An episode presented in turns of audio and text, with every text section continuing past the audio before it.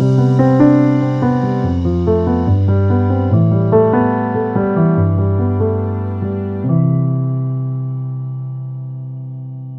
dobry, Marieta Żukowska. E, zapraszam na kolejny odcinek mojego podcastu Równowaga.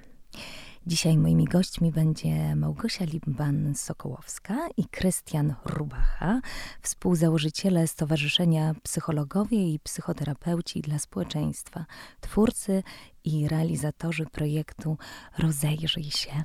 Ale oczywiście jesteście wspaniałymi psychologami, pomagacie młodzieży, pracujecie z nią. Bardzo się cieszę i dziękuję, że tutaj y, jesteście. Też się bardzo cieszymy. Cześć. Cześć. Jeszcze raz, tak. Chciałam was w ogóle zapytać, czy istnieje coś takiego jak y, równowaga w ogóle w okresie dojrzewania u nastolatków? Czy w ogóle jest coś takiego jak równowaga w, w tym naszym zdrowiu psychicznym? Bo dzisiaj o jakże ważnym temacie będziemy rozmawiać, bo o tym, co właściwie dzisiaj czują nastolatkowie, jak oni muszą borykać się, mierzyć z wszystkimi problemami w dzisiejszym naszym świecie zabodźcowanym e, telefonami komórkowymi, wszystkimi innymi doznaniami. Czy w ogóle jest coś takiego możliwe? A może można z wami wypracować tę równowagę? Krystian, Gosia? Y to ja może zacznę od tego, czym w ogóle, jak ja rozumiem równowagę i bym się odwołał do takiego najprostszego, najbliższego nam wszystkim mm, przykładu. Równowaga w ciele, y, która wymaga tego, żebyśmy mocno stali stopami na, y, na, na ziemi. ziemi. żebyśmy się opierali, tak, żebyśmy czuli własną siłę y, i jednocześnie mieli elastyczność, bo to nam pozwala balansować w trudnych warunkach. Tak, to, to super, co mówisz, że ja kiedyś przypominam sobie coś takiego, taką medytację, w której właśnie e, bardzo często nam pomaga, że jestem drzewem, ale nie mhm. takim drzewem dużym, ciężkim, takim dębem, -hmm. tylko że jestem brzozą, bo brzoza podobno, wiecie, balansuje Bardzo gibka. Tak, jest bardzo gibka mm -hmm. i to jest, to jest super, no właśnie, że są pewne zasady, ale żeby te zasady, tak jak dobrze rozumiem, mogły, nie były aż tak restrykcyjne, żeby one były też, mogły się w odpowiednich momentach, bo sytuacje są różne, prawda? I żeby mogły się nagiąć. A dla ciebie, Gosiu, czy jest ta równowaga? Ja pomyślałam o tej równowadze jako o czymś bardzo dynamicznym, że to jest równowaga, ale jednak w ruchu, bo e, okres dojrzewania to czas, kiedy bardzo wiele się zmienia coś nowego się pojawia, z czymś młodzi ludzie się żegnają y, i ta równowaga w tym wieku wydaje mi się bardziej wymagająca niż w innych okresach życia, ale jest możliwa. No właśnie, i tutaj zapytam cię jako mama dwóch nastolatek. Wiesz, bardzo często y, spotykam się z moimi przyjaciółmi, moimi przyjaciółkami, które właśnie mówią, Boże, weszliśmy w ten okres, weszliśmy, prawda, dorośli mhm. wchodzą mm -hmm. w ten okres, mm -hmm. prawda? O Jezu, zaczyna się, prawda? O tak, no i tak, no nie odpowiada, no burczy, prawda? Y, jakoś nie ma kontaktu, ale też są najróżniejsze takie, że ci że naraz ten, to dziecko, z którym mieliśmy kontakt, naraz tak diametralnie się zmienia. I i ci rodzice tak mają bardzo małą, zauważyłam, jakby to powiedzieć, wyporność, ale też zrozumienie do tego, jakże trudnego, prawda, dla tych młodych ludzi w ogóle okresu. I dobrze by było tu się właśnie zatrzymać wszystkim rodzicom i powiedzieć, że właśnie co to jest, bo my już nie pamiętamy, prawda? Mamy te 40-50 lat, ale już nie pamiętamy, jak to było, jak wtedy te hormony po prostu zaczynają wariować, że, ale też, że się zmieniamy, że zaczynają się te pytania, prawda, egzystencjalne. Po co jestem, dlaczego, że zaczynają się takie trudne pytania, z którymi oni na okrągło w ich mózgu e, występuje tak zwana burza wielka taka, taka gradobicie, tak bym to nazwała. Jak to jest właśnie u nich? Y, co się dzieje z tym mózgiem takim nastolatków, jak wchodzą w ten okres dojrzewania?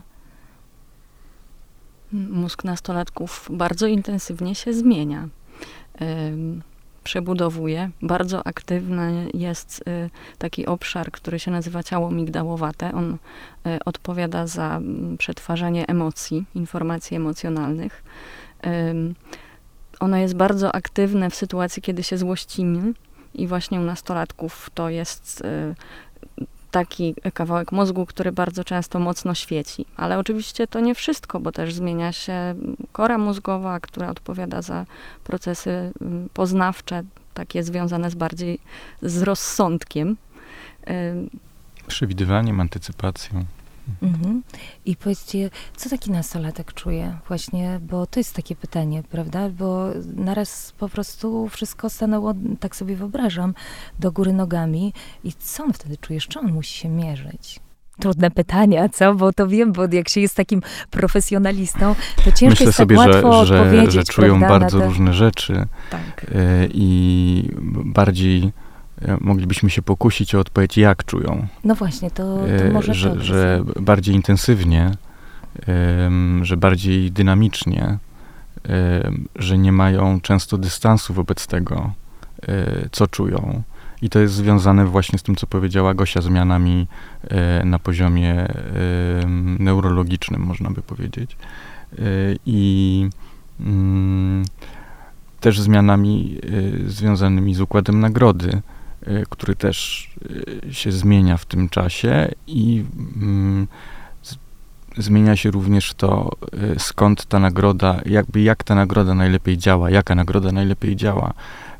I dzieje się tak, że ważniejsze są dla nastolatków odbiór otoczenia, odbiór innych nastolatków, przyjęcie w grupie, że nastolatkowie mają Y, większą skłonność do takich zachowań, które nam się wydają ryzykowne z perspektywy osób dorosłych. Mamy lepiej rozwinięte płaty czołowe, oni nie. No nie przez przypadek, na przykład w Stanach Zjednoczonych, y, alkohol sprzedaje się ludziom po 21 roku życia, a nie po 18 dlatego że to może się o wiele, o wiele gorzej skończyć. No właśnie, ale to, co mówisz, Krystian, czyli y, wchodzą w, tak, w takie, taki inną zupełnie rzeczywistość i myślę, że taki rodzic, takiemu rodzicowi, ale też, no i tu następuje ten taki, taki dysonans, prawda, że i rodzice nie są w stanie wtedy jakby zrozumieć tego, co się dzieje, jeżeli nie podejdą do tego empatycznie, czyli nie wysłuchają na przykład naszego podcastu dzisiaj, czyli czy wiesz, czy, czy, czy jakby zrozumieć postarają się zrozumieć to, że jednak ten młody człowiek naprawdę ma trudno, prawda? Że to jest takie, takie dla niego wielkie wyzwanie. I e, w dzisiejszym, co to znaczy też w dzisiejszym świecie to wyzwanie, bo jak e, czytamy z badań, że około 20% młodych ludzi jest albo w kryzysie psychicznym, takich nastolatków, albo na przykład e, doświadcza depresji. Czyli słuchajcie, 20% no to, to nie jest, prawda, tam 5%, 3%, tylko to już naprawdę jest dużo i podobno to rośnie i rośnie. I teraz mm, i teraz takie pytanie moje do Was: czy jest w ogóle możliwe zapobieganie czegoś takiego? Czy można zapobiec, zap zapobiec po prostu takiemu kryzysowi psychicznemu, bo rozumiem, że oni idą do tej szkoły. Tak jak powiedziałeś, muszą się przypodobać grupie. Wtedy ten rodzic oczywiście jest zostawiony jakby na, z tyłu, na tym drugim y, miejscu, czy jeszcze tam którymś tam z tyłu i oni, y, ta akceptacja właśnie grupy jest szalenie ważna, ale przecież w tej grupie pojawiają się też osoby, które nie do końca są miłe, dobre i chcą dobrze dla tej drugiej osoby rówieśnicy. Pojawiają się rówieśnicy, którzy zachęcają do, do przekraczania różnego rodzaju granic, czy zachęcania do, do chociażby, tak jak mówisz, do alkoholu, narkotyków, do tego wszystkiego. I gdzie ten taki młody człowiek ma się jakby w takim mm, rozwijać, prawda, w takim jakimś duchu normalności tego wszystkiego, jeszcze nie może pogadać z rodzicami, którzy kompletnie nie rozumieją i uważają, że to jest a, nastoletni wiek, prawda, i machają na to ręką. I teraz moje pytanie jest w ogóle, czy jest w ogóle coś takiego możliwe, mm, żeby temu zapobiec, żeby jakoś przygotować, albo wspomóc, albo dać jakieś narzędzia takim młodym ludziom, ale również później rodzicom, tym uważnym, którzy chcą, żeby przez ten okres po prostu przejść na tyle łagodnie, ile to jest możliwe, oczywiście w takiej burzy tego wszystkich emocji. Myślę, że dzisiaj odpowiemy na to pytanie, jak temu zapobiec i że jest to możliwe. Super. Natomiast ja bym się cofnął o krok i zastanowił się, czemu my chcemy zapobiec i na co chcemy y, zareagować, bo wszyscy mamy doświadczenie bycia nastolatkiem. Mm, kryzysu egzystencjalnego, pytań o sens życia, obniżenia nastroju, większej wrażliwości na to, wiesz, jak nas odbierają. ja już nie pamiętam. Nie pamiętasz? Nie pamiętam, wiesz, mówię ci tak e, naprawdę szczerze, że ja już tego nie pamiętam. Ja nie pamiętam, że ja przeżywałam te wszystkie, wiesz, e, też dylematy, które po prostu przeżywa prawdopodobnie moja córka. Przypomnij sobie, że masz, nie wiem, 16 lat, powiedzmy 15 lat, wracasz do domu ze szkoły. Co tam jest w tym domu? No, te, e, co jest w moim domu, mhm. tak? No, przypominam sobie różne sytuacje. Przypominam sobie, wiesz, mieszkam w internacie prowadzonym mhm. przez siostry zakonne, więc mhm. miałam, wiesz, wyzwania. Ale, wiesz, nie pamiętam tego, mm, bardziej mówię w takim cudzysłowie, Wiesz, ale wiesz, że... nie pytam o to, co tam się tak, działo, tak, tak. a bardziej o to, jak tam było? Czy to, mm, nie wiem, to jest mieszkanie, powiedzmy, mówisz o internacie, mhm. E, jest tam telefon stacjonarny, mhm. Mm, jest jakiś telewizor gdzieś, może na jakiejś stołówce, mhm. E, który można obejrzeć po szkole. Są jakieś e, mm, książki, jakieś zadania domowe, które trzeba zrobić i są jacyś inni ludzie. Mhm. Tak wyglądało nasze życie. Jakieś podwórko, na które można wyjść. Nie? Tak, tak. Szkoła się kończy, zamykamy drzwi, jesteśmy w innej rzeczywistości. Tak. A dzisiaj jest kompletnie inaczej. No właśnie, powiedz. To znaczy wracamy do domu i wyobraźmy sobie, że jest rok 80, no nie wiem, przesadzam trochę, 95, 98, 2000, nie, jakoś tak. Wracamy do domu ze szkoły yy, i co chwilę dzwoni telefon stacjonarny. Mhm. Odbieramy ten telefon, rozmawiamy chwilę, odkładamy. Nic nie możemy zrobić. E, mm, że co parę minut ktoś puka do drzwi i przynosi nam kartkę z wiadomością, mhm. którą musimy przeczytać, a my przecież robiliśmy zadanie domowe. Mhm. Że mamy nie tylko zadania w szkole do zrobienia, ale też e, jakieś poważniejsze projekty długoterminowe, mamy jakieś e, pasje, które nastoletnie, które zaczynają się robić bardzo profesjonalne już w tym momencie. Mm, to jest kompletnie inna rzeczywistość. Nastolatek na, mający WhatsAppa, Messenger, cały czas jest bodźcowany. Tak. I teraz pamiętam, rozmawialiśmy chwilę mm, na temat tego, że można nastolatkowi zabrać telefon i mu powiedzieć, słuchaj, no tego WhatsAppa to wejdziesz o 18, mhm. ale on cały czas będzie w napięciu z pytaniem, co tam się dzieje. No właśnie. Jak ta grupa mnie odbiera? Tu nie ma przerwy. Y, kiedy my byliśmy dzieciakami, wychodziliśmy ze szkoły, nawet jak się tam złe rzeczy działy, to można było odetchnąć. Można było można się, było się wycofać, tak. włączyć telewizor i tam nic nas nie atakowało z naszej rzeczywistości. Po prostu był jakiś serial taki czy siaki. Mm, y, dziś nie jest to możliwe. No, z tego, co mówisz, teraz wyobraziłam sobie to wszystko, to jest jakby życie w takim ogromnym stresie, presji, właśnie w tym momencie, kiedy, tak jak Gosia powiedziała, ten mózg ci się rozwija. I i po prostu jesteś cały czas dokładnie, a jednocześnie to, co powiedzieliście mi, że ten odbiór tej grupy, jeżeli jestem, no tak, bo ja właśnie mówię, Pola, do, odpiszesz kolegom, czy tam y, tym o godzinie 19, jak zrobisz coś, teraz się chillujemy, ale ja już widzę po mojej córce rzeczywiście to, co powiedziałaś. Dla nich to jest bycie w napięciu, bo oni tego, tą grupę, tego Whatsappa, to jest dla nich właściwie wszystko, co się dzieje na tym Whatsappie klasowym, prawda? Jakie tam są tak tak zwane w cudzysłowie, jak to mówią moje córki, dramy. Dramy, które się wydarzały w szkole. Ale to, co mówisz, czyli po prostu nie możesz odpocząć. W ogóle nie jesteś w stanie w ogóle y, złapać oddechu, bo nawet ten, ten spacer do, do domu, już jakaś koleżanka pisze, prawda, a ten to, a ten to, a zróbmy to, a to, to jest po prostu, teraz sobie to wyobrażam, że to jest jakiś koszmar.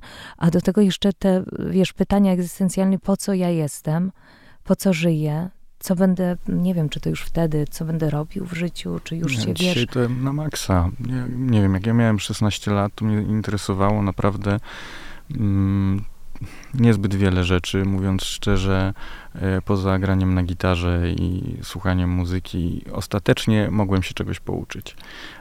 Sam to wybrałem, miałem kompletny luz jednocześnie e, wtedy. Nie miałem presji, nie musiałem decydować, na jakie pójdę studia, tak. bo to po prostu zdałem maturę, poszedłem na egzamin, dostałem się na studia. Dzisiaj musisz to wiedzieć. Musisz wybrać profil, musisz wybrać przedmioty na maturę. To jest ogromna odpowiedzialność y, spoczywająca na osobach, które do tego nie są przystosowane z poziomu mózgu. Bo to jest przerażające dla ciebie i dla mnie tak. taka rzeczywistość, a my mamy zupełnie inne zasoby, bo umiemy się regulować, mm, umiemy się uspokoić, umiemy się zdystansować wobec emocji. Trochę nam lata, co sobie inni mogą pomyśleć, nie wiem, czy się zająknąłem na podcaście, czy się nie zająknąłem, czy palnąłem jakąś głupotę. Jestem w stanie sobie z tym poradzić. Tak, Nastolatek nie jest. Po prostu nie jest. I to nie jest jego wina, jego ułomność. No właśnie, i to jest, y, słuchajcie, aż mnie tak powiem wam przeszł dreszcz, jak mi to opowiedzieliście, bo jeżeli rzeczywiście y, spojrzymy tak, tak, tak jak ty to powiedziałeś, Krystian, tak jak to zobrazowałeś, że to jest coś takiego, to jakże ci młodzi ludzie naprawdę są, mogą być teraz, wiesz, pod jak wielkimi presjami, tak jak powiedziałeś, że muszą, na przykład już teraz, prawda, jest, na przykład moja jedna córka ma egzamin ośmioklasisty za dwa lata, do w ósmej klasie, ale już przecież ten cały materiał trzeba myśleć, jak to zrobić, bo później liczba punktów dostajesz się na te, na, do tego liceum, a nie do tamtego. Rzeczywiście jesteś jakby w takiej ciężkiej pracy. Nie dość, że jesteś w pracy w szkole, w której uczysz się tego wszystkiego, wracasz do domu.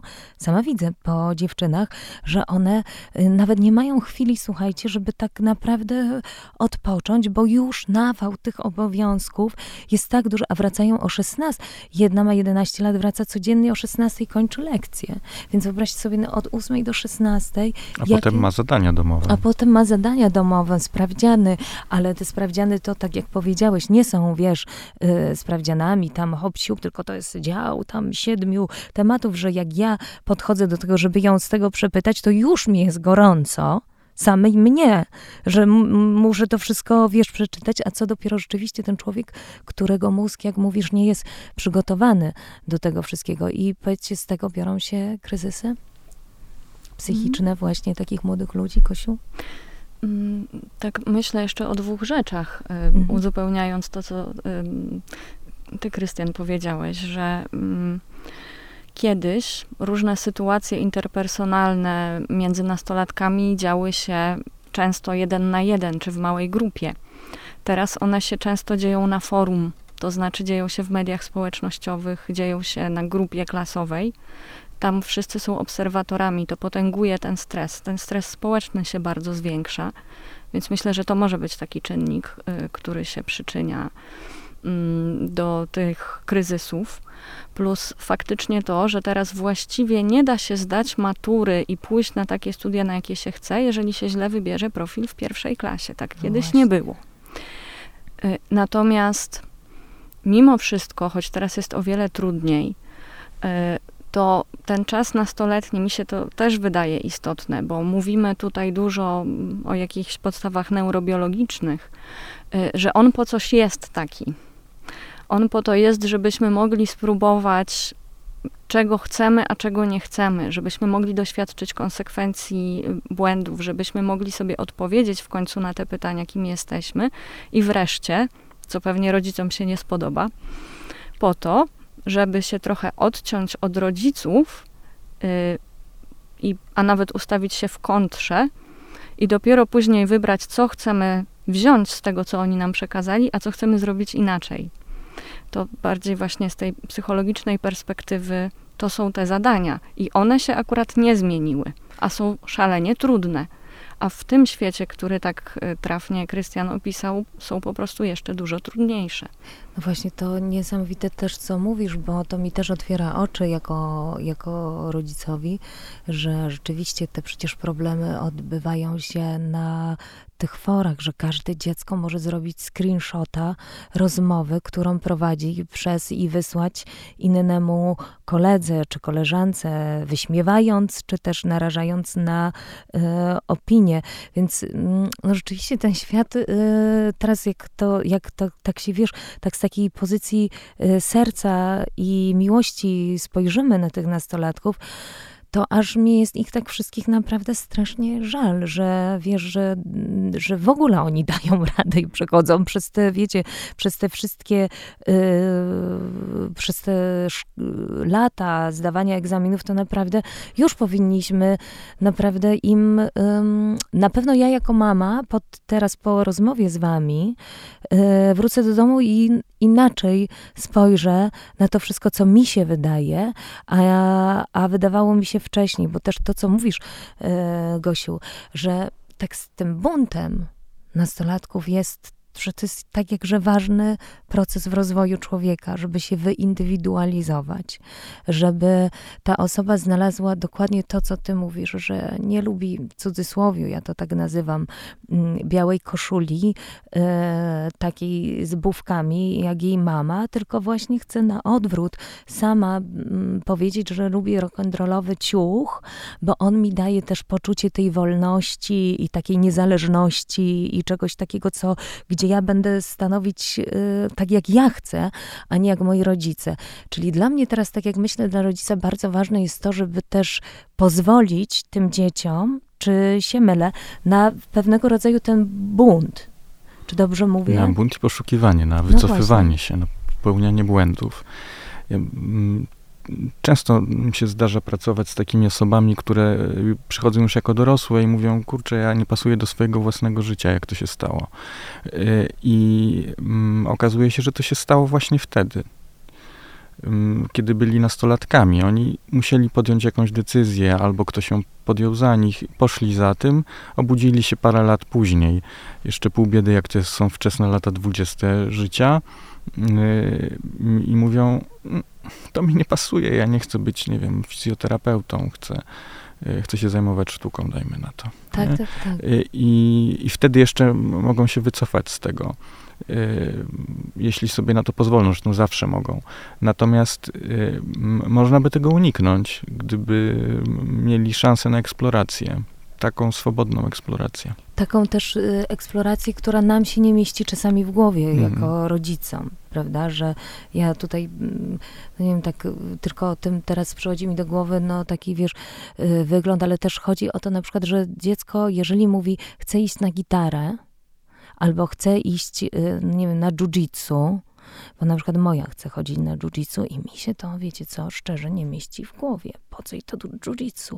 Ale zapisuję ją na to jiu-jitsu, bo, bo ona chce, bo ona jest kompletnie inna ode mnie, że to, jest, że to jest takie ważne, żeby ten rodzic zrozumiał, że my mamy zupełnie inne potrzeby, ja jako Marieta, a moje dzieci mają zupełnie inne potrzeby. I że to jest takie, to jest pierwsze takie coś, co dobrze, żebyśmy, ale jeżeli ona zrezygnuje z tego jiu-jitsu po trzech y, razach, bo uzna, że na przykład to jiu-jitsu nie jest dla niej, to też, żeby mieć na to zrozumienie, prawda, że to był rodzaj próby, która była potrzebna, tak, a nie po prostu tak, a nie, my później mówimy, no ale zaraz, chciałaś iść na to jiu-jitsu, dlaczego po trzech razach? Już to jiu-jitsu jest ten, że, czyli to jest super też, żeby dać im możliwość tego próbowania, a jednocześnie jakby wspierać ich w tym, jeżeli jednak podejmą decyzję, że to nie jest to bo to się nie mieści trochę w głowie rodzicom. I to w tym systemie jest bardzo trudne, o tym Gosia powiedziała przed chwilą, że um, decyzję o tym, na jakie studia pójdę, muszę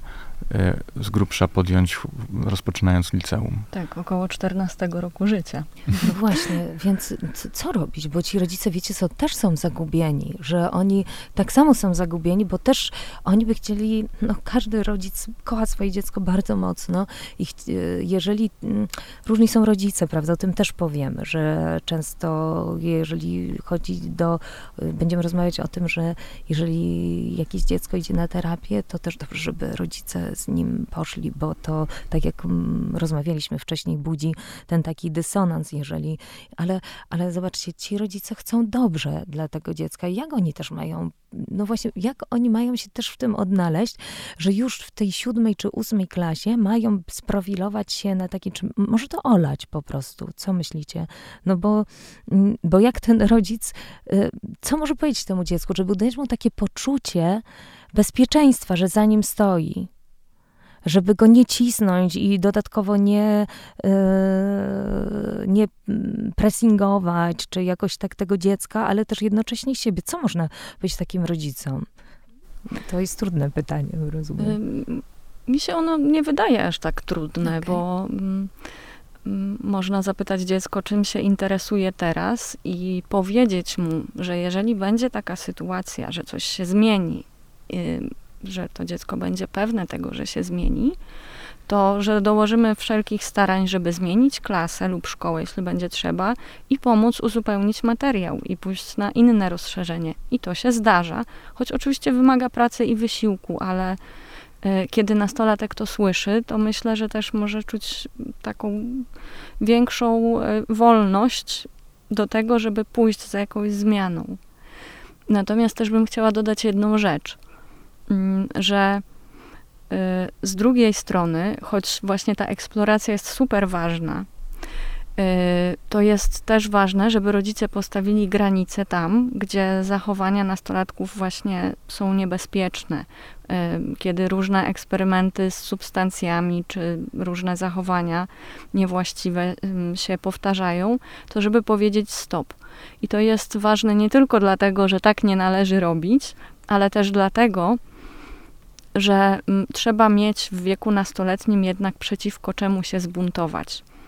I również niebezpieczna rozwojowo jest sytuacja, kiedy y, dziecko z rodzicem są tak zlepieni i że ta wola nastolatka jest tym, co rodzic zawsze bezkrytycznie realizuje, bo wtedy też nie da się przejść tego procesu indywiduacji Także właśnie równowaga, to słowo no z właśnie, początku jest czyli, tu ważna. Tak, ale dokładnie, bo jeszcze wiecie, co ja w mojej głowie jeszcze nie przeszłam do tej substancji, to co ty jakby wyprzedziłaś mnie, Gosiu, ale bo najpierw myślę sobie o tym, żeby dać przestrzeń takiego, wiecie, intelektualnego y, rozwoju i możliwości y, eksploracji, ale rzeczywiście dochodzimy do tego momentu, że przecież jest, że zaczynają się imprezy, zaczynają się y, wyjścia do klubów różnych, gdzie są dorośli ludzie, gdzie są y, tabletki, jak wiemy, gwałtu, gdzie są, prawda, już teraz podobno są zastrzyki nawet, że, że wystarczy ukłuć kogoś i już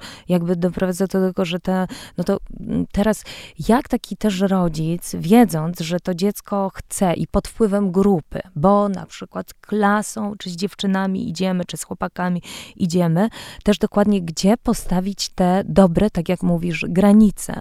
No bo oczywiście trzeba eksplorować, ale nie dopuścić do tego, że będziemy za chwilę mieli dziecko, które tak eks będzie eksplorował na przykład z narkotykami, gdzie będzie musiał mm, je ratować po prostu na odwyku. Jak, no jak właściwie postawić tę dobrą granicę według ciebie?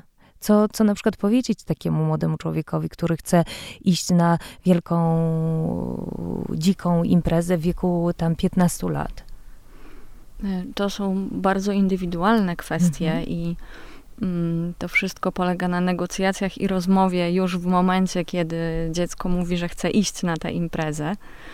Mm, warto się umówić pod jakimi warunkami jeżeli w ogóle rodzice się na to zgadzają, ale też myślę, że ten proces związany z tą sytuacją wcale się nie zaczyna w 15 roku życia. On się zaczyna dużo wcześniej, y, kiedy my też pozwalamy, pozwalamy dziecku na to, żeby na przykład mówiło nie w różnych sytuacjach. Y, al, tak, albo zgadzamy się na to, y, no, żeby nie, nie podążało za tym, że jak wszyscy jedzą karpia na Wigilię, to ty też musisz, chociaż nie lubisz, yy, bo Bo tak, tak wypada. Tak, bo tak naprawdę um, im bardziej dziecko będzie się czuło bezpiecznie z tym, że może mówić nie i że jego głos jest słyszany, tym łatwiej mu będzie później powiedzieć nie rówieśnikom. No właśnie, i to, to jest coś takiego, jeżeli wzmocnimy je, że ono będzie miało też takie poczucie może, że w domu, nawet jeżeli popełni błąd, będzie mogło wrócić z takiej imprezy i na przykład y, zobaczy coś niefajnego, czy coś, czy ja w ogóle wyznaję taką zresztą, że dobrze jest, nie wiem, czy, czy wy się z tym zgodzicie, zawieść dziecko na imprezę, jeżeli już się godzi, i odebrać je. To jest na razie moje takie przemyślenia, że tak bym chciała robić, ale wtedy i się umawiamy, dokładnie umawiamy się, obgadujemy, co tam jest i w ogóle, że mamy dobry kontakt z naszymi dziećmi. Ale to, co powiedziałeś, dla mnie jest bardzo ważne, bo rzeczywiście, jeżeli jest impreza, i jest tak silna presja rówieśników, na przykład, yy, na przykład dziecko nie chce wcale yy, wsiąść do samochodu, gdzie jego kolega właśnie wypił yy, ileś tam, ma po prostu wiele promili w organizmie, ono nawet nie chce, ale inni tak ci są, oj daj spokój, będziemy jechali tylko trzy przecznice, czy coś takiego i ta presja innych jest tak duża, że ten młody człowiek już nie ma w sobie siły i właśnie nie umie powiedzieć nie, wcześniej, w różnych innych sytuacjach, to prawdopodobnie ulegnie wtedy i powiedzie, żeby nie zostać odrzucony przez grupę.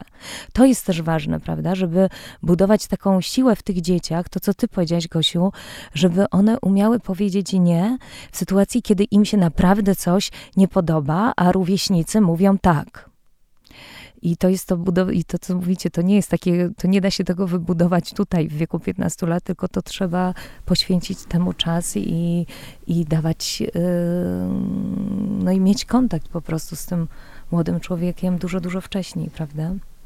W zasadzie od początku, bo tutaj mówimy o takich zasadach bezpieczeństwa. I, i tym, że my chcemy nasze dzieci zabezpieczyć przed różnymi zagrożeniami. Ja mam syna, który ma pół roku. On teraz raczkuje. Czyli ty jesteś młodym ojcem. Tak. E, I ja jestem na etapie zabezpieczania mieszkania, tak żeby e, to, mieszkanie mu nie zagrażało. Nie? To znaczy, żeby nic na niego nie spadło i tak dalej. Ale też, żeby on nie spadł z niczego. Ostatnio, e, w ostatniej chwili dosłownie go Złapałeś. złapałem tak na łóżku przed wychyleniem się, które by spowodowało 40 centymetrowy, 40 centymetrowy upadek na parkiet. Yy, następnego dnia już tam barierkę zamontowałem, nie? W tym miejscu. No ale tak pomyślałem sobie o tym w kontekście waszej rozmowy teraz. Yy, bo to jest dosyć proste, jak dziecko ma pół roku. Yy, bo po prostu to otoczenie yy, musi być pod kontrolą dorosłego. Yy, I to on musi przewidywać. Nastolatek przecież nie chodzi z y, rodzicem wszędzie i ten rodzic mu nie mówi, nie podaje mu jedzenia, nie zabawek i tak dalej, prawda? Y, natomiast y, rodzic może zadbać o to, żeby to dziecko było bezpieczne, żeby te, mm, to bezpieczeństwo, to co jest mu potrzebne do zachowania bezpieczeństwa miało w sobie. I to jest to, co przed chwilą y, mówiłyście, y, między innymi na temat asertywności i y, umiejętności mówienia nie. Tych narzędzi, które są potrzebne nastolatkowi, jest troszkę więcej. To jest też umiejętność, przynajmniej na podstawowym poziomie regulowania, w ogóle widzenia swoich emocji, a później regulowania tych emocji, radzenia sobie ze stresem. Jeśli puszczamy dziecko nastoletnie, nastolatka w świat bez tego, no, nie wiem, może to jest lekkie, lekka przesada z tą metaforą, ale to jest trochę tak, jakbyśmy zostawia, zostawiali półroczne dziecko y, samo na łóżku, y, z którego może spaść. Mhm. Y, I jeśli ono spadnie, to może się to skończyć płaczem, może się to skończyć guzem, a może się skończyć jakimś zagrożeniem zdrowia lub życia. I to samo jest, to, to samo zjawisko ma miejsce wśród nastolatków. Świat jest tak wymagający, Mm, że nastolatek potrzebuje narzędzi do tego, żeby sobie z nim radzić. Jeśli my, jako rodzice, ale też jako psychologowie szkolni, nie wiem, nauczyciele, tak, y, pozwalamy mu być w świecie bez tych umiejętności, no to jest trochę tak, jakbyśmy ryzykowali sporo. I wydaje mi się, że właśnie tak teraz jest. Sporo ryzykujemy, ponieważ y, świat, w którym żyją nastolatkowie, jest trudny, a my ich nie wyposażamy w odpowiednie, w adekwatne narzędzia do tego, żeby sobie z nim radzić.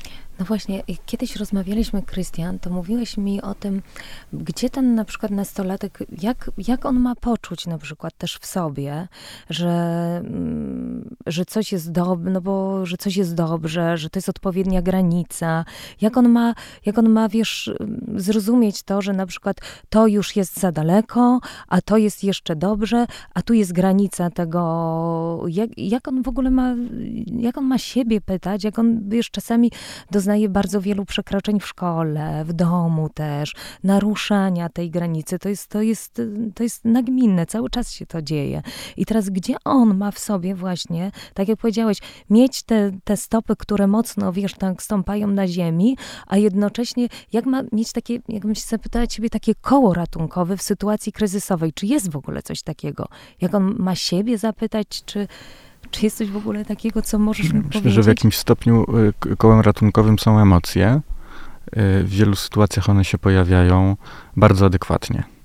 Y, I wszyscy rodzice w jakimś stopniu wyposażają swoje dzieci w jakieś podstawowe umiejętności regulowania siebie, widzenia swoich emocji, przechodząc przez te wszystkie bunty rozwojowe, tak to się popularnie nazywa, tak? Bunt tam trzylatka tak. i tak dalej. Tak, jest. dużo tego jest, prawda? Ale to są, to są takie momenty, w których właśnie dziecko y, zmienia y, sposób y, no wchodzi na, inny, wchodzi na inny etap i zmienia sposób, jaki do tej pory działał, a musi wykształcić zupełnie inny. Tak, z nowymi swoimi mechanizmami, nie? Czyli na przykład y, trzylatek musi sobie poradzić ze złością. Y, ale ona jest bardzo ważnym sygnałem później dla niego. Jeśli on się y, nauczy z niej korzystać, to, y, to później ona będzie mu pomagać. No właśnie, czyli jeżeli na przykład taki nastolatek, y, w cudzysłowie bardziej to tak y, na taki żeby sobie to tak bardziej y, wyobrazić w mojej głowie, czyli na przykład jestem w szkole, ktoś jest do mnie niemiły bardzo, na przykład z moich kolegów i wręcz agresywny, i właśnie wtedy, kiedy pojawia się złość, że ja tego nie chcę, to już jest ta granica, kiedy ja mam powiedzieć tej osobie stop, tak? Tylko, że wiesz, bardzo często ci nastolatkowie mają takie emocje, tak jak o tym rozmawialiśmy, że naraz po prostu jest wyrzut tej adrenaliny i tej złości tak wielki, że bardzo często dochodzi do tego, że na przykład no, musisz no, na przykład kogoś uderzyć, prawda, bo ktoś cię tak prowokuje, bo to są często takie, takie rzeczy. Co zrobić ma taki nastolatek? E, żeby na przykład no, no, nie przekroczyć tej granicy, jak ma w ogóle zachować się w sytuacji, kiedy na przykład ktoś narusza jego granice z rówieśników? Na ogólnym poziomie odpowiedź jest prosta. No, powiedzieć nie, wyjść z sytuacji. I wyjść, czyli opuścić tą sytuację, tak? Tak, czyli natomiast... po prostu powiedzieć nie i odejść. No, na przykład, nie? To jest, wiesz, że, tego, wiesz, że tego to nie jest takie łatwe. Dlatego mówisz, powiedziałem, że, to, że to jest, na ogólnym wiesz... poziomie jest to bardzo no. proste. W konkretnej sytuacji, w, z konkretnymi emocjami, z konkretną osobą y, nie jest to wcale tak tak łatwe i w tym procesie na pewno będą siniaki. Mhm. Nie, nie, ma możliwości uczenia się bez, e, bez popełniania błędów i regulowania emocji, i korzystania z emocji. Ludzie dorośli, którzy są w terapii mhm. y, i zaczynają dopuszczać do siebie emocje, czasami są w takim momencie, w którym tych emocji nagle mają w sobie tyle, chociaż mieli je wcześniej, ale wreszcie je widzą Jeszcze i czują, że ich nosi. Tak. Pamiętam, jedna z moich klientek powiedziała kiedyś, y, że, że teraz czuje złość, taką ma łatwość w stawianiu granicy, ale niestety, że to jest czasami, jak ktoś ją wkurzy, to ona jest w stanie wyskoczyć do kogoś y, tak zbyt agresywnie y, i się, no właśnie już w dorosłości tego zaczyna uczyć. I tak będzie. Przez, pewnie parę razy wyskoczy do kogoś zbyt agresywnie. Rozumiem, ale dobrze jest powiedzieć, że jeżeli ktoś narusza twoją granicę, jeżeli czujesz złość, możesz powiedzieć nie, masz do tego prawo, masz do tego prawo, możesz powiedzieć nie i możesz odejść. A co w sytuacji, że nauczyciele to robią? Mm. Myślę też jeszcze Trudne tylko taką małą gwiazdkę co? do tego No. bym zrobił, że mm, ideą nie jest to, żeby iść za każdą emocją, tylko żeby ją w Mhm. sobie rozpoznać No i podjąć decyzję. Co ja w związku z tym robię, czego ja chcę. I dać sobie czas na to, żeby Tak, nie... Czasami to są sekundy, wystarczają na to, czasami potrzeba więcej czasu, y, mm, ale fajnie by było, gdyby nastolatek o tym usłyszał, No albo od rodziców, albo w szkole i nie o to chodzi, że on się tego nauczy w 5 minut. Y, Natomiast o to chodzi, żeby w ogóle ta informacja do niego dotarła i żeby miał okazję to w jakiś sposób przećwiczyć, żebyśmy my podprowadzili go pod tę umiejętność, a nie zostawiali samopas. Dokładnie. Bo dziś niestety w kwestii umiejętności psychospołecznych zostawiamy większość nastolatków w Polsce samopas. Co jest zostawianiem ich no, w sytuacji trudnej. No właśnie, bo wy przecież e, zajmujecie się tym, że szkolicie psychologów w tym właśnie, jak mają rozmawiać z tymi e, młodymi ludźmi, bo ja głęboko wierzę w to, że to, co robicie, em, na pewno może w, pomóc też tym nastolatkom w tym podejściu do tego wszystkiego, bo oni na pewno nie zdają sobie z tego sprawy, że właśnie ten WhatsApp dzwoni i puka coś cały czas do drzwi. Oni tego nie wiedzą, oni się w tym wychowali. Dla nich to jest, y, dla nich to jest normalne. I głęboko wierzę w to, że jeżeli będą pro, prowadzone takie spotkania, psychologów, których wy jakby wyszkolicie i oni będą mogli rozmawiać później z młodzieżą, uświadamiać im to i też próbować, prawda? Bo wtedy takie zajęcia mogą y, prowadzić do tego, że taki nastolatek może sobie przećwiczyć na takich ćwiczeniach y, w prosty sposób, nawet teoretyczny. To wtedy on dostaje takie narzędzie, jest wyposażony przez, y, przez osoby w takie narzędzie, które w sytuacji innej może zadziałać. I to, to właśnie to, co ty powiedziałeś, Krystian, że w ogóle super, że w ogóle się o tym powie i że on w ogóle wie, że to może, bo bardzo często oni nie wiedzą, oni są zagubieni, oni, oni łapią się intuicyjnie pewnych rzeczy, a tak jak mówicie, to mm, no, świat jest teraz trudny, to wszystko jest bardzo trudne, więc w ogóle to, że, że się to przećwiczy, że się im powie, że się im powie o tym, że są y, zasady, że to, co ty powiedziałeś, Gosiu, że są, że można eksplorować, ale że też są zasady, że te zasady wynikają z tego i z tego.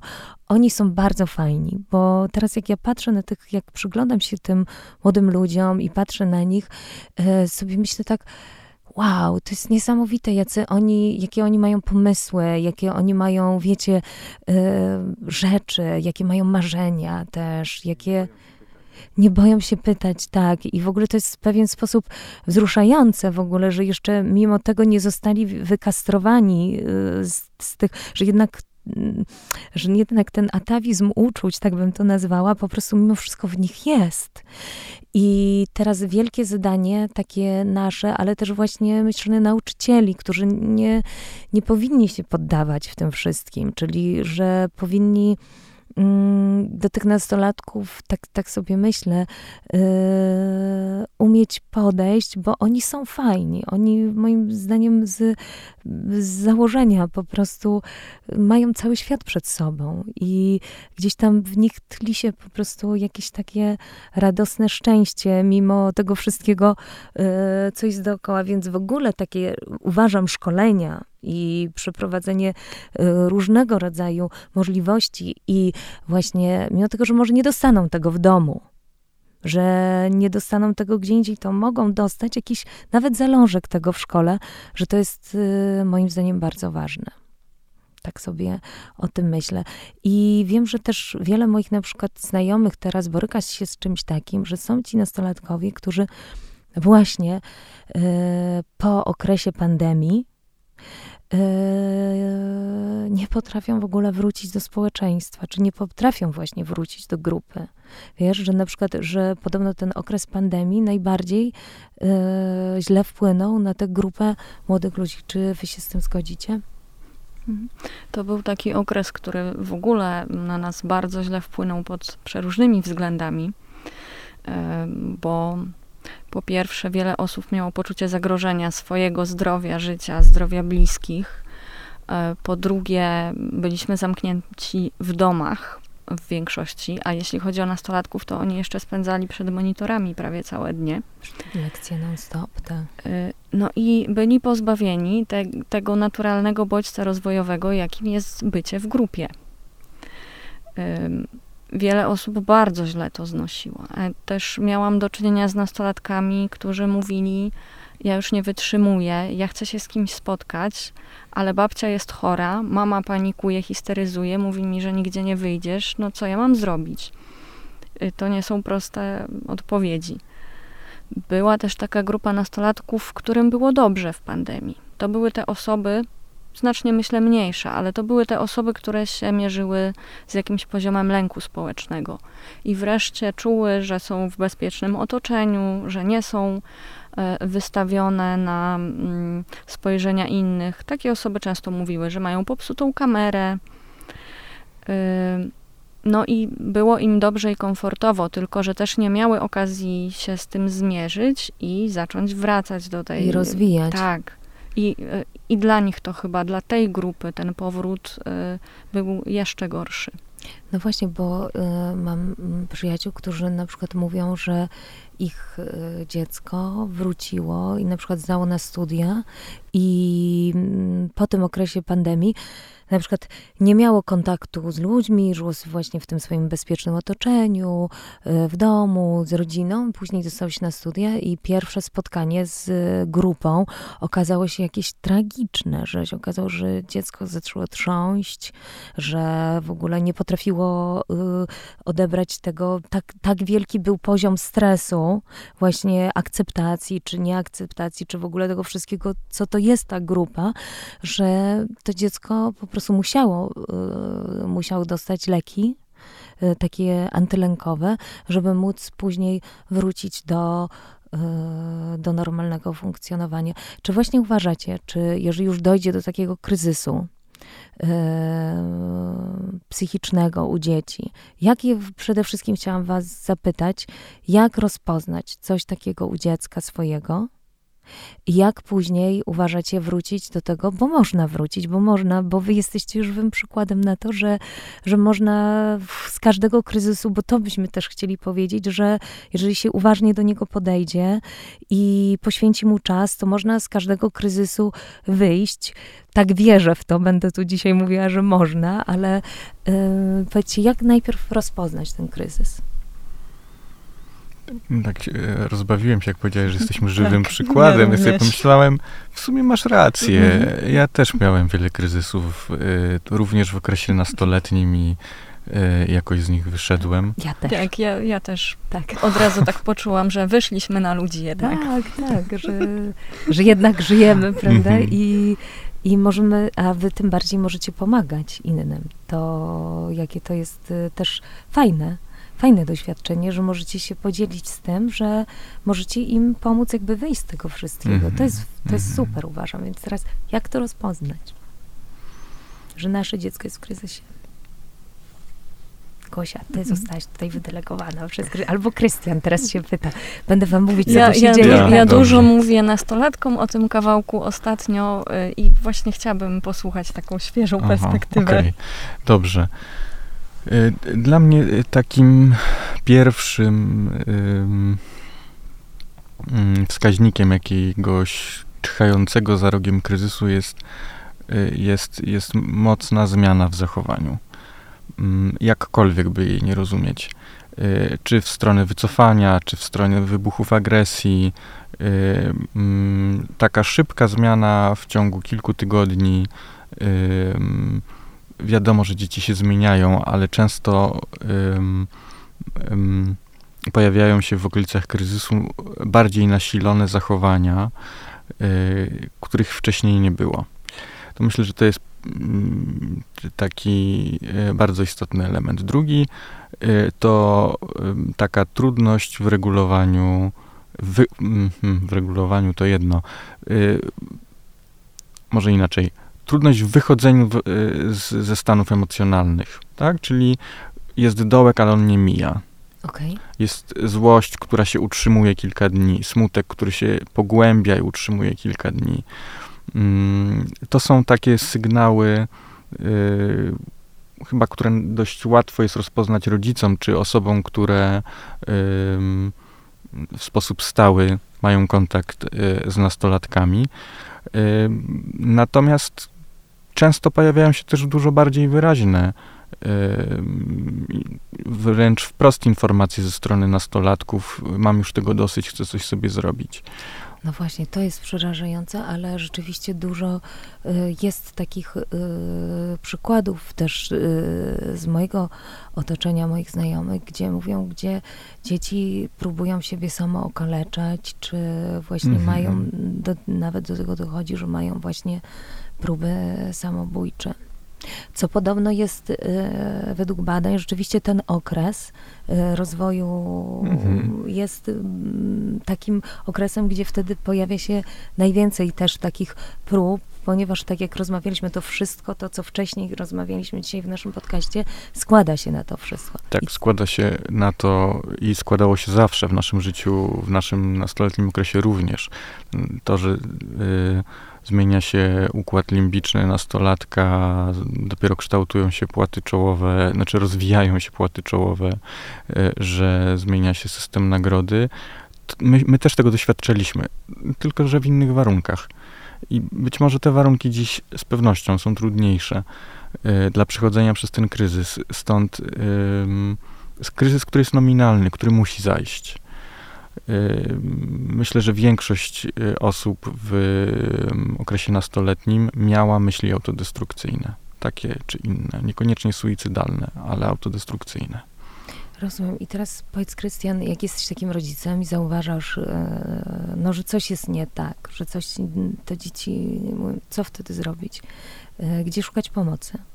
do kogo się odezwać, bo łatwym rozwiązaniem byłoby oczywiście od razu tutaj mówię, że od razu można wejść na stronę Rozejrzyj się tam do Was i tam jest szereg y, fantastycznych informacji, gdzie mogą, że są telefony zaufania, są różnego rodzaju takie pierwsze po prostu koła ratunkowe, co można, co można co zrobić. można zrobić, jak rozpoznać kryzys. Te pytania, które tutaj nam zadawałaś, tam są bardziej rozbudowane bardziej odpowiedzi. rozbudowane i mhm. więcej tam jest, y, pewnie one są rozszerzone, ale tak yy, właśnie oprócz tego, co taki rodzic ma zrobić? Ja bym powiedział, że podstawowa rzecz to powiedzieć temu dziecku, widzę, że jest ci trudno i jestem z tobą.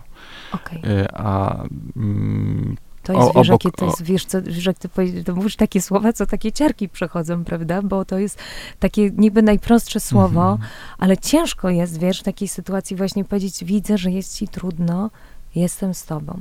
Mm -hmm. To jest, y, to jest, ja to jeszcze raz powiem, widzę, że jest ci trudno, jestem z tobą żebyście usłyszeli ci, co nas słuchają. No hmm. i dalej. I ja myślę sobie, że pytanie y, o to, co zrobić, jest bardzo, bardzo złożone. Znaczy, odpowiedź na nie jest bardzo złożona i w zależności od tego, kto w jakiej sytuacji jest zadanie, to pewnie dostanie inną odpowiedź. Natomiast y,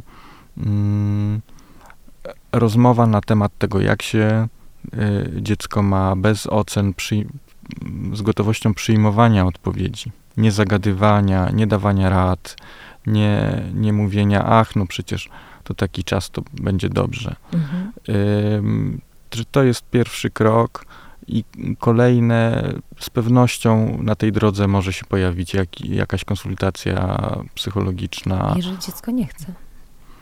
Bo wiecie, bo mm. dzieci też y, y, boją się, nie, nie wiedzą, co to znaczy, nie, y, nie, nie jest ich tak łatwo przekonać do tego, że słuchaj, to jest osoba, która może ci pomóc, której możesz właśnie powiedzieć to, czego nie powiesz rodzicom też, bo często tak jest, że one mają też prawo do tej swojej intymności i, i to poniekąd też dobrze, ale że tej osobie właśnie może się ona wygadać, że to jest, że, żeby właśnie jak przekonać też takiego młodego człowieka do tego, żeby... Moje doświadczenie to mi mówi raczej, że, że częściej trzeba rodziców przekonywać niż tych nastolatków obecnie. Widzisz. Ale y, pewnie może być różnie. Natomiast y, ja bym nawiązał do tego, y, czego dziecko doświadcza. Widzę, że, nie wiem, wycofujesz się z tego, z tamtego, że jesteś smutny, że, że nie masz nadziei i Mm, chciałbym, żebyśmy poszli y, do psychologa, jak będziesz tam miał gotowość, ci się tam spodoba ten człowiek i będziesz miał gotowość z nim pogadać, to z nim pogadasz, jak nie, to stamtąd wyjdziemy. Czy, czy stamtąd wyjdziesz, że mm, ostatecznie rzecz ujmując, każdy nastolatek, każde dziecko musi podjąć samodzielną decyzję o tym, że w tym gabinecie powie cokolwiek. Tak. Mm, miałem takie konsultacje, że mm, w trakcie których przez 50 minut nikt się nie odzywał. Tak, ten, i, ten i tak, tak ten młody człowiek się nie odzywał, ale przyszedł na następne spotkanie. Znowu no pomilczeć. Y, I pomilczeć po jakimś po czasie tobie, tak? zaczął, y, zaczął mówić. To są rzadkie sytuacje, ale tak też bywa. Mm. I choćby to, że mógł się nie odezwać i że ja go nie stawiałem pod ścianą, dawałem mu jakiś rodzaj wyboru w tej sytuacji, ostatecznie rzecz ujmując, to po prostu nie mamy wpływu na to, czy ktoś się odezwie, czy nie. Nie. No, znaczy nie jesteśmy w stanie kogoś zmusić do tego.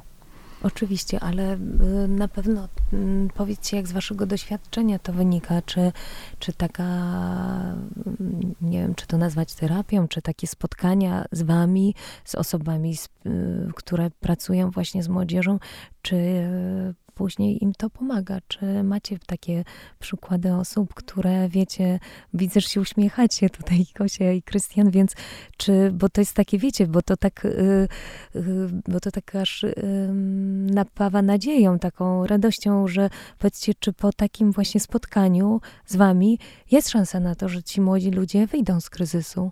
I że znajdą e, znowu radość życia, znowu im będzie zależało, będą chcieli i że czy jest szansa na to? E, tak, zdecydowanie jest na to szansa. E, nie jest to 100% sytuacji, ale mm, na pewno jest to ich większość. No, też dużo zależy od kontekstu, bo y, ja pracuję y, w szkole średniej jako psycholog, ale pracuję też jako psychoterapeutka w gabinecie i konteksty tutaj są bardzo różne, bo w szkole też warto dodać, że to jest takie miejsce, do którego osoba poniżej 18 roku życia może przyjść, jeśli chodzi o gabinet psychologa, bez zgody rodziców. Jedno z niewielu, jakie w ogóle jest w Polsce.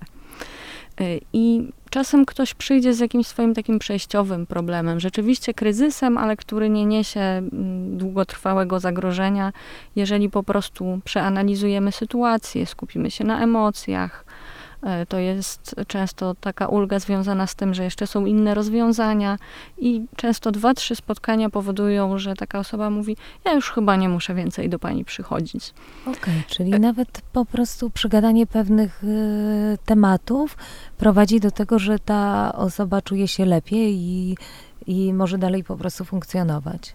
Tak, i tak też bywa. No ale w sytuacji, kiedy ktoś trafia na psychoterapię właśnie, to często są to osoby, które już na przykład były na konsultacji psychiatrycznej, już przyjmują leki. Y, te leki pozwalają im na tyle dobrze mm, funkcjonować, żeby móc wykonywać różne codzienne czynności, żeby mm, zostawać w swoich rolach lepiej lub gorzej i żeby móc korzystać z terapii, czyli żeby to czarne myślenie nie przesłaniało wszystkiego na przykład. No ale wtedy jest to zwykle dłuższa praca na jakimś głębszym poziomie. Y, natomiast ogromnie dużo się zmienia u nastolatków w psychoterapii, bo przecież y, to, co się dzieje w psychoterapii, nakłada się też na ten naturalny proces zmian. Jest to czasem bardzo dynamiczne i dla mnie osobiście szalenie wzruszające, kiedy ja sobie przypominam osobę, która przyszła na pierwsze konsultacje jakim tonem mówiła, co mówiła, jak wyglądało jej życie, i później na przykład po półtora roku pracy mm, widzę człowieka, który mm, wie, czego chce, dąży do realizacji jakichś swoich zamierzeń, ma jakieś kontakty społeczne, chociaż ich nie miał. Na przykład widzę osobę, która miała problemy z ujawnieniem swojej tożsamości czy orientacji seksualnej, i po tej pracy wie, w jakim gronie to robić, w jakim nie, już ma wsparcie wielu bliskich osób. No wiele jest takich przykładów i ja osobiście uważam, że to jest taki wiek, w którym to najszybciej widać, jak wiele się zmienia.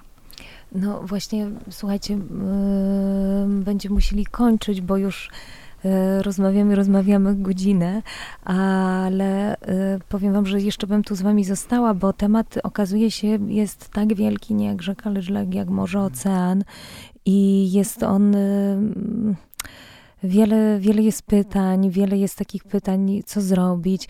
Wiem, że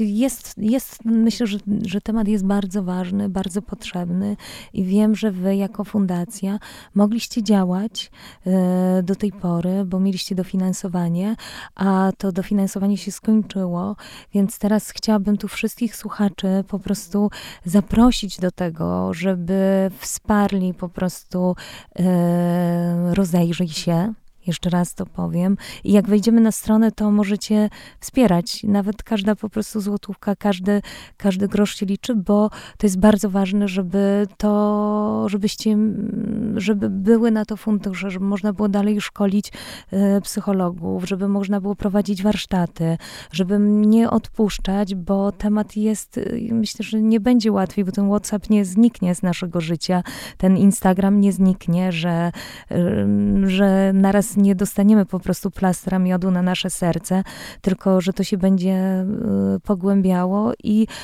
i tylko to, co powiedzieliście tutaj do mnie, to, że jest szansa, żeby pomóc tym młodym ludziom. Chcecie coś jeszcze dodać? Ja bym tylko chciał powiedzieć mm, o tym, że to, co my chcemy zrobić, i to jest nasz cel, to wprowadzić y, taką profesjonalną psychoedukację, która nie będzie zideologizowana e, do szkół.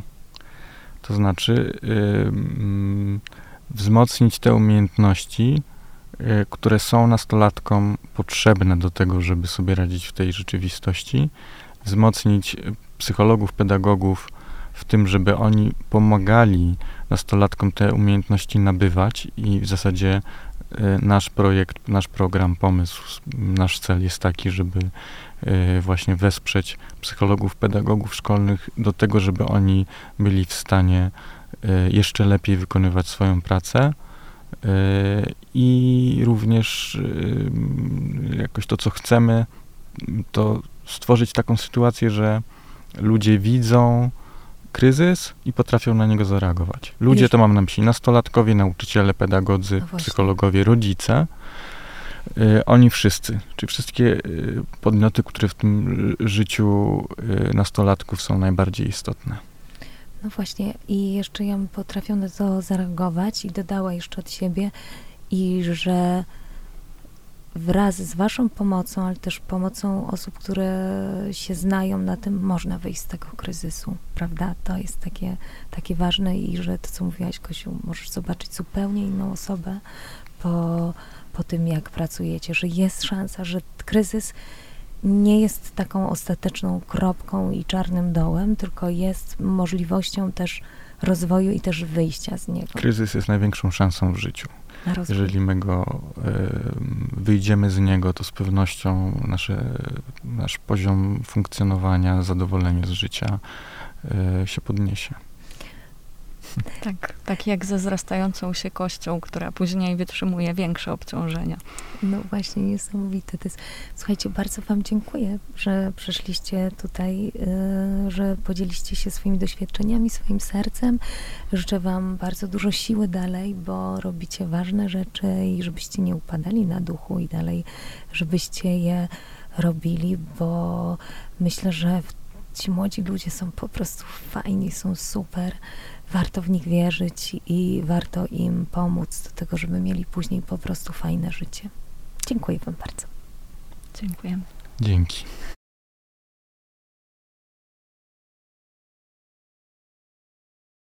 thank